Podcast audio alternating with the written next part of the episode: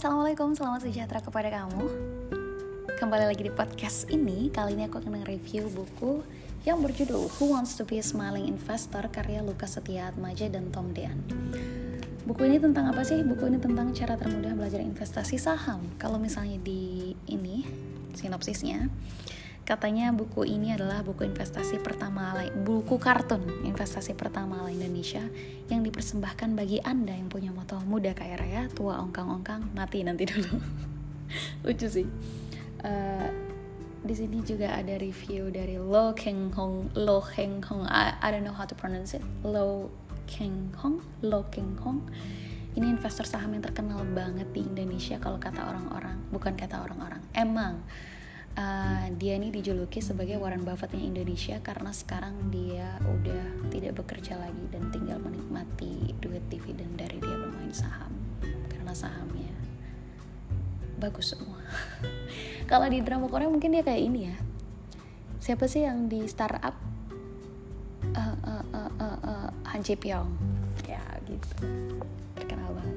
Nah, apa sih yang membedakan buku ini dari buku saham-saham lain kalau menurut aku? Karena buku ini adalah komik eh, buku buku yang paling mudah untuk dicerna sebagai investor pemula. Kalau misalnya kalian mau tahu kenal atau kenal lebih lanjut dengan saham itu apa ini salah satu buku yang aku rekomendasikan karena ini mudah banget. Komik komik bener-bener komik yang bacanya tinggal ada gambarnya terus seru terus gimana ya visualisasi kita termanjakan tapi otak kita tetap terisi gitu.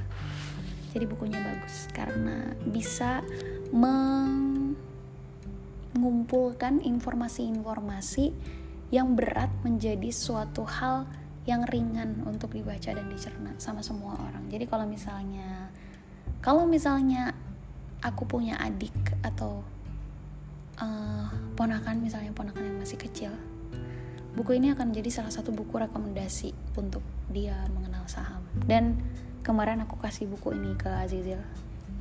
Dia bilang dia mau dibaca ini. Karena gambarnya tuh menarik gitu loh interesting banget buat anak-anak. Jadi aku punya yang ini cetakan ke-11 Februari 2021 sementara cetakan pertamanya Februari 2011 jadi ternyata udah 10 tahun yang lalu buku ini ada. Ini juga siapa? Dicetak oleh Grafika Mardiwana Bogor. Ada berapa halaman?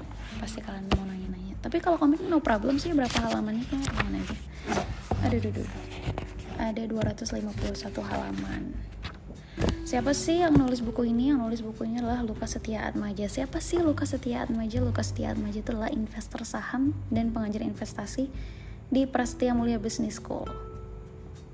Artikel-artikelnya yang unik tentang cara berinvestasi saham dimuat berkala di kolom Wake Up Call harian kontan. Dia juga uh, memperoleh gelar MSc in Finance and Investment dari University of Wisconsin Madison dan PhD in Finance dari Monash University Melbourne. Terus Tom Dan ini adalah lulusan arsitektur UGM yang bikin komik ini. Jadi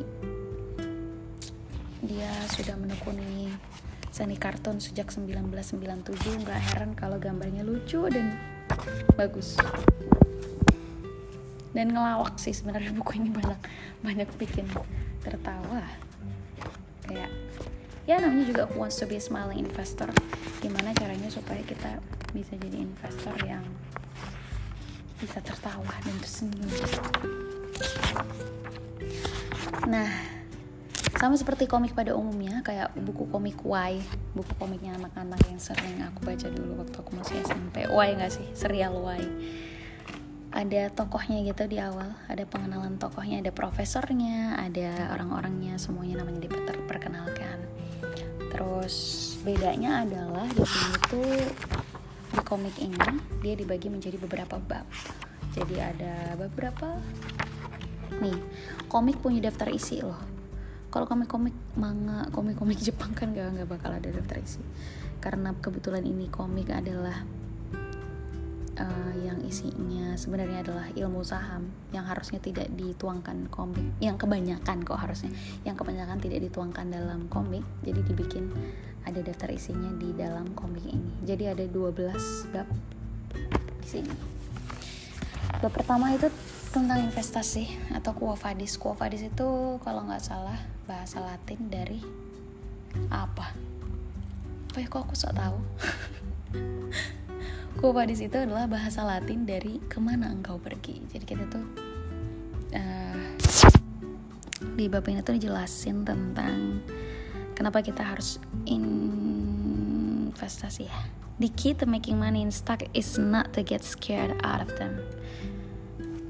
Di bab ini di oh di bab ini dijelasin tentang perbedaan konsum, antara konsumsi dan investasi di bab-bab awal tuh kayak latar belakang tau gak sih yang kayak kalau misalnya kita beli jam tangan mahal 15 tahun lagi mungkin rusak tapi kalau misalnya kita beli saham 15 tahun lagi pasti uh, harganya bisa naik.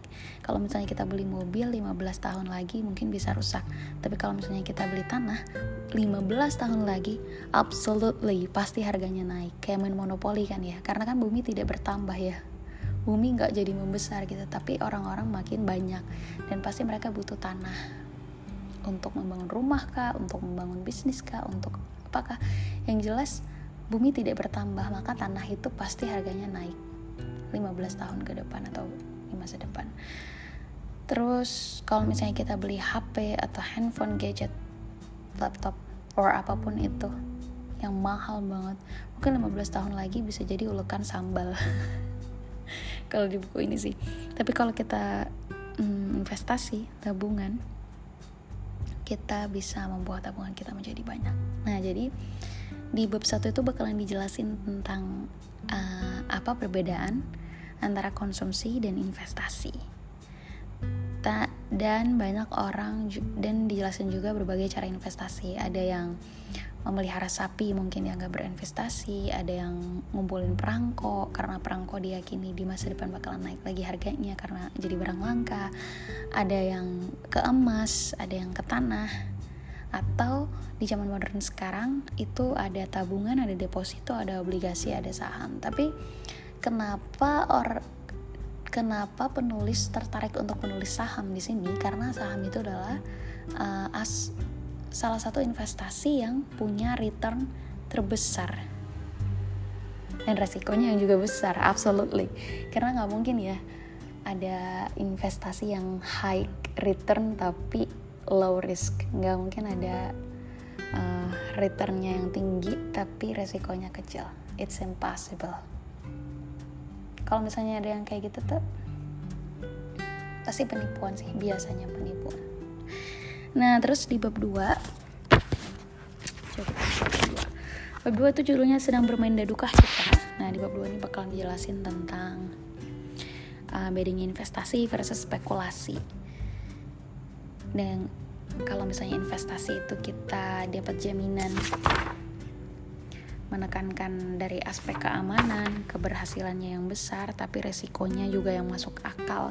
Tapi kalau misalnya spekulasi itu adalah misalnya kayak ada orang tiba-tiba nawarin kita eh ayo kita beli ini nih uh, misalnya minyak dari lagi naik nih kita punya produk investasi unggulan nih ayo rugi loh kalau nggak ikut untungnya bisa sampai 500% misalnya returnnya terlalu besar return imbalnya tuh over fantastis gitu.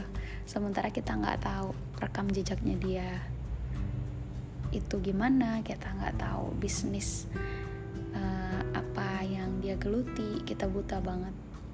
Dan dengan return yang sedemikian besar itu spekulasi kalau di sini, sini jelasinnya gitu kita sedang berspekulasi berarti kita sedang berspekulasi kalau kita beli yang kayak gitu. Karena kenapa karena kita nggak kenal gimana kita bisa uh, jamin hidup kita ke depan kalau misalnya kita nggak kenal dia cie. Kok jadi cie? Terus ada juga yang berbeda dari investasi dan spekulasi itu dari jangka waktu. Kalau investasi itu kita waktunya jangka panjang, kalau spekulasi itu jangka pendek. Kalau investasi kita bakalan merhatiin fundamental, tapi kalau misalnya kita spekulasi kita pasti merhatikan sibuk dengan harga.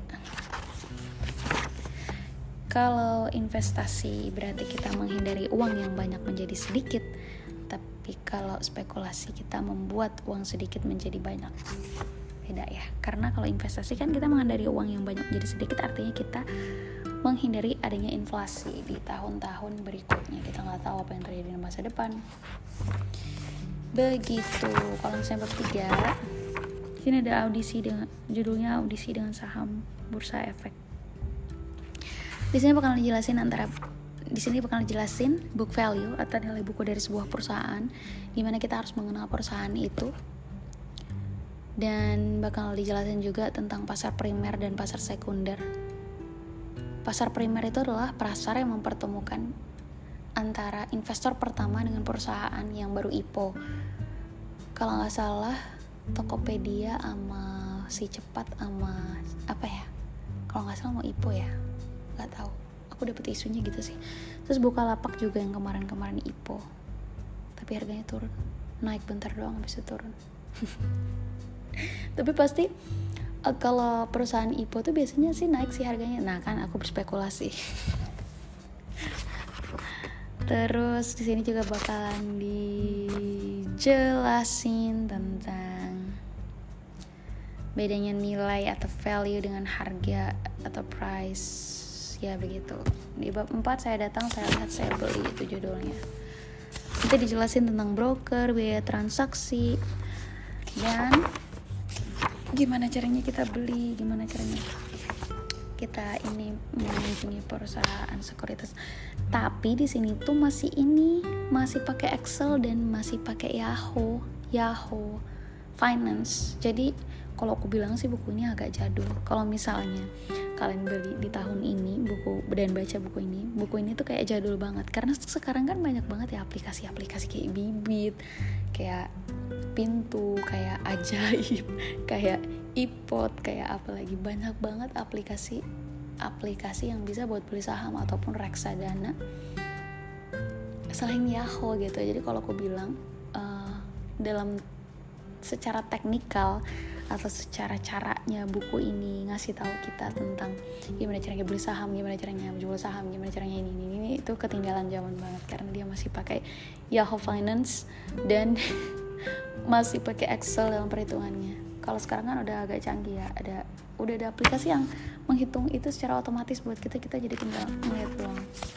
Bahkan PBV dan rasio keuangan udah ada semua terus di bab 5 tuh ada menghitung, keping kebenaran. Nanti di sini bakalan dijelasin tentang imbal hasil return atau dividend. Terus di bab 6 sini ada ber bercanda dengan ketidakpastian. Karena kan kadang pasar tuh naik sama pasar tuh turun. Kita kan nggak tahu ya uh, apa yang terjadi di masa depan.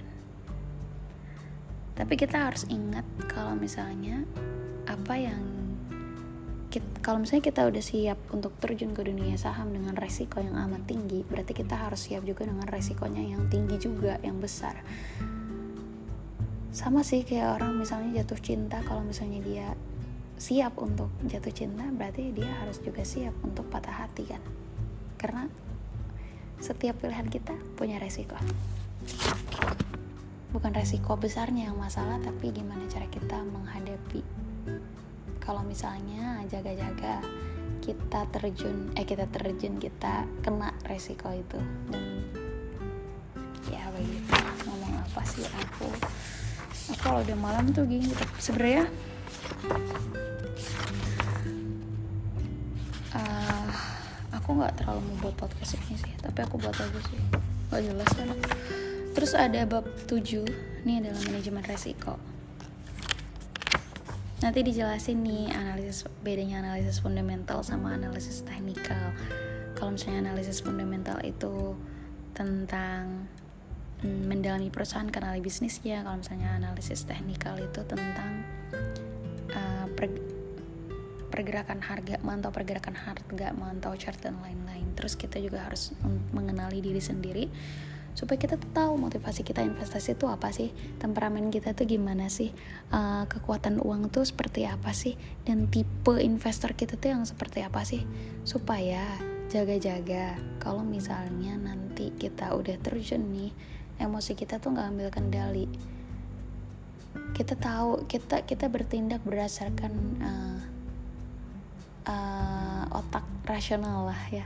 Dan dan gak dipengaruhi sama emosional kita nggak boleh jadi beribi nggak boleh jadi serakah nggak boleh Ih, kenapa sih kayak gini nah terus di bab 8 tuh ada analisis juga lagi analisis teknikal di mana analisis teknikal itu mempelajari pergerakan harga di masa lalu untuk meramal atau memprediksi harga di masa depan. Terus ada juga analisis fundamental atau rasio keuangan. Ini bakalan diceritain tentang IPS per PBU, ROE, DER, DY, pokoknya semua rasio keuangan. Dijelasin dengan sangat uh, gimana ya, sangat friendly dan sangat mudah untuk dicerna orang-orang awam. Karena bentuknya komik ya tapi aku juga kalau misalnya ditanya aku belum hafal sih. Itu yang mana ya? Itu yang mana ya? Terus ada bab 9 ya ada 8 jurus dewa. Ada value investing di mana kita harus berinvestasi layaknya Warren Buffett kita harus tahu nilai dari perusahaan itu dan kita bisa membeli membeli harga membeli perusahaan bagus dengan harga murah. Tapi menurut aku tuh kalau kayak gini tuh sulit banget karena kenapa? Karena kita harus punya ilmunya kan supaya kita tahu yang mana sih perusahaan bagus yang mana sih perusahaan yang punya probabilitas untuk maju ke depannya gitu.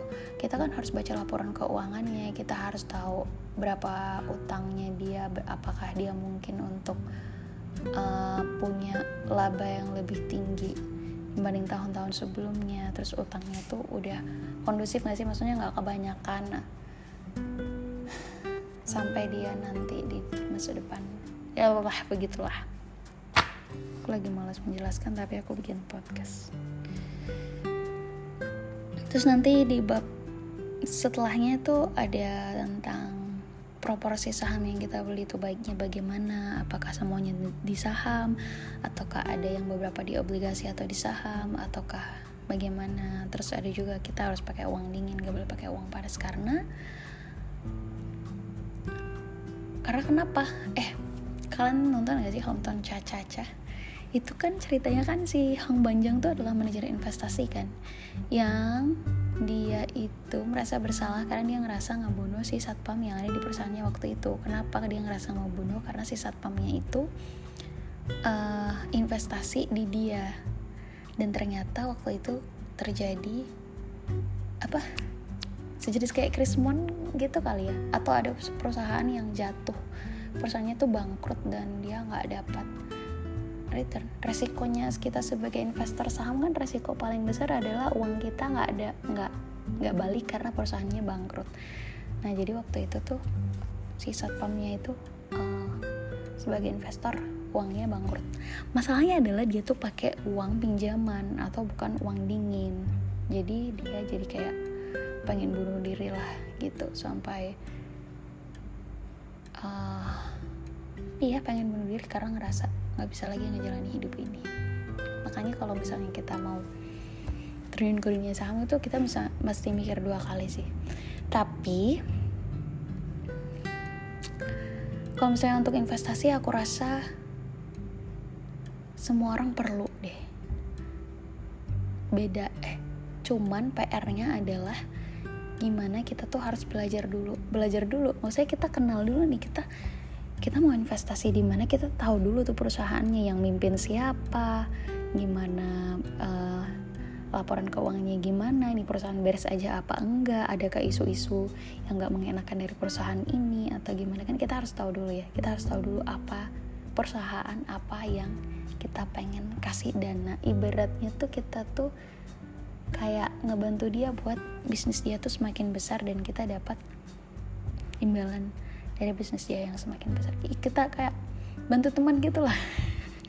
Kalau misalnya dia sukses kita ikut sukses. Kalau misalnya dia uh, jatuh kita ikut jatuh juga. Jadi kita harus kenal dulu siapa teman kita gitu. Supaya kita nggak salah-salah ambil uh, investasi ini. Supaya kita nggak salah milih teman. Kita percaya nggak sama orang ini? Kita percaya nggak modal kita tuh bisa bisa balik lagi? Gitu. Terus apa lagi ya udah itu aja ya. Dah. Secara keseluruhan buku ini buku yang bagus menarik karena komik. Siapa yang tidak jatuh cinta oleh komik?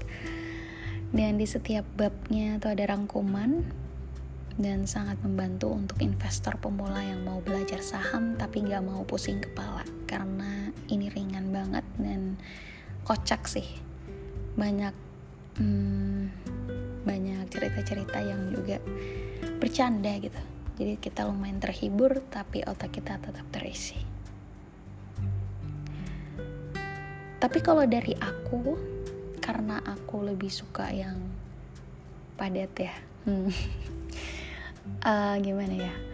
Kalau dari aku karena aku udah pernah sebelumnya webinar juga ikut webinar beberapa saham dan baca buku beberapa baca buku gitu. Aku ngerasa ilmunya itu sama kurang lebih sama. Cuman dia kayak dipersingkat gitu. Bagi aku bagi bukan bagi orang yang ingin mendalami saham lebih lanjut buku ini nggak cocok. Karena kenapa? Buku ini menawarkan keringanan keringanan yang uh, yang bagus buat orang-orang yang baru kenal saham. Tapi orang-orang yang mau kenal saham lebih lanjut buku ini nggak cocok. Kenapa? Karena karena kita nggak dapat banyak dari sini. Ya cuman gambaran-gambaran luarnya aja tapi dalam-dalamnya tuh nggak dapat kayak misalnya kalau misalnya di analisis teknikal tuh kan ada support dan resistance terus rasio keuangannya juga ada dijelasin berbagai macam gimana cara ngelihatnya ada di bagian mana. Terus kalau misalnya ini kan fokus ke saham ya nggak ada reksadana.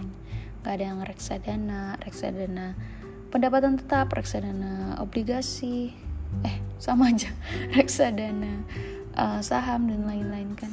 Kan bentuk investasi itu banyak ETF dan lain-lain. Aku nggak dapet itu di sini jadi aku pikir buku ini cocok untuk yang baru-baru terjun. Kalau misalnya udah tahu dunianya gimana misalnya udah tahu sedikit-sedikit mending baca buku yang lebih berat. Aku kemarin mau beli ini sih. Apa? Bukunya Benjamin Franklin uh, The Intelligent Investor kalau nggak salah judulnya. Kemarin aku di Gramedia waktu aku mau beli buku ini. Cuman aku bingung kan aku mau beli yang mana ya? The Intelligent Investor atau yang ini. Uh, karena yang The Intelligent Investor itu kayak tebel banget dan isinya berisi banget. Aku nggak jadi beli aku malah beli yang ini. Tapi aku aku nggak kecewa sih cuman aku kayak gimana ya?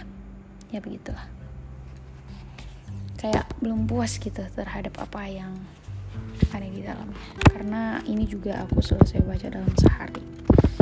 Dan aku menghabiskan uang aku untuk membeli ini. Berapa harga kita lihat? Harga Pulau Jawa 125 ribu. Aku beli di Gaya Samarinda harga 150 ribu.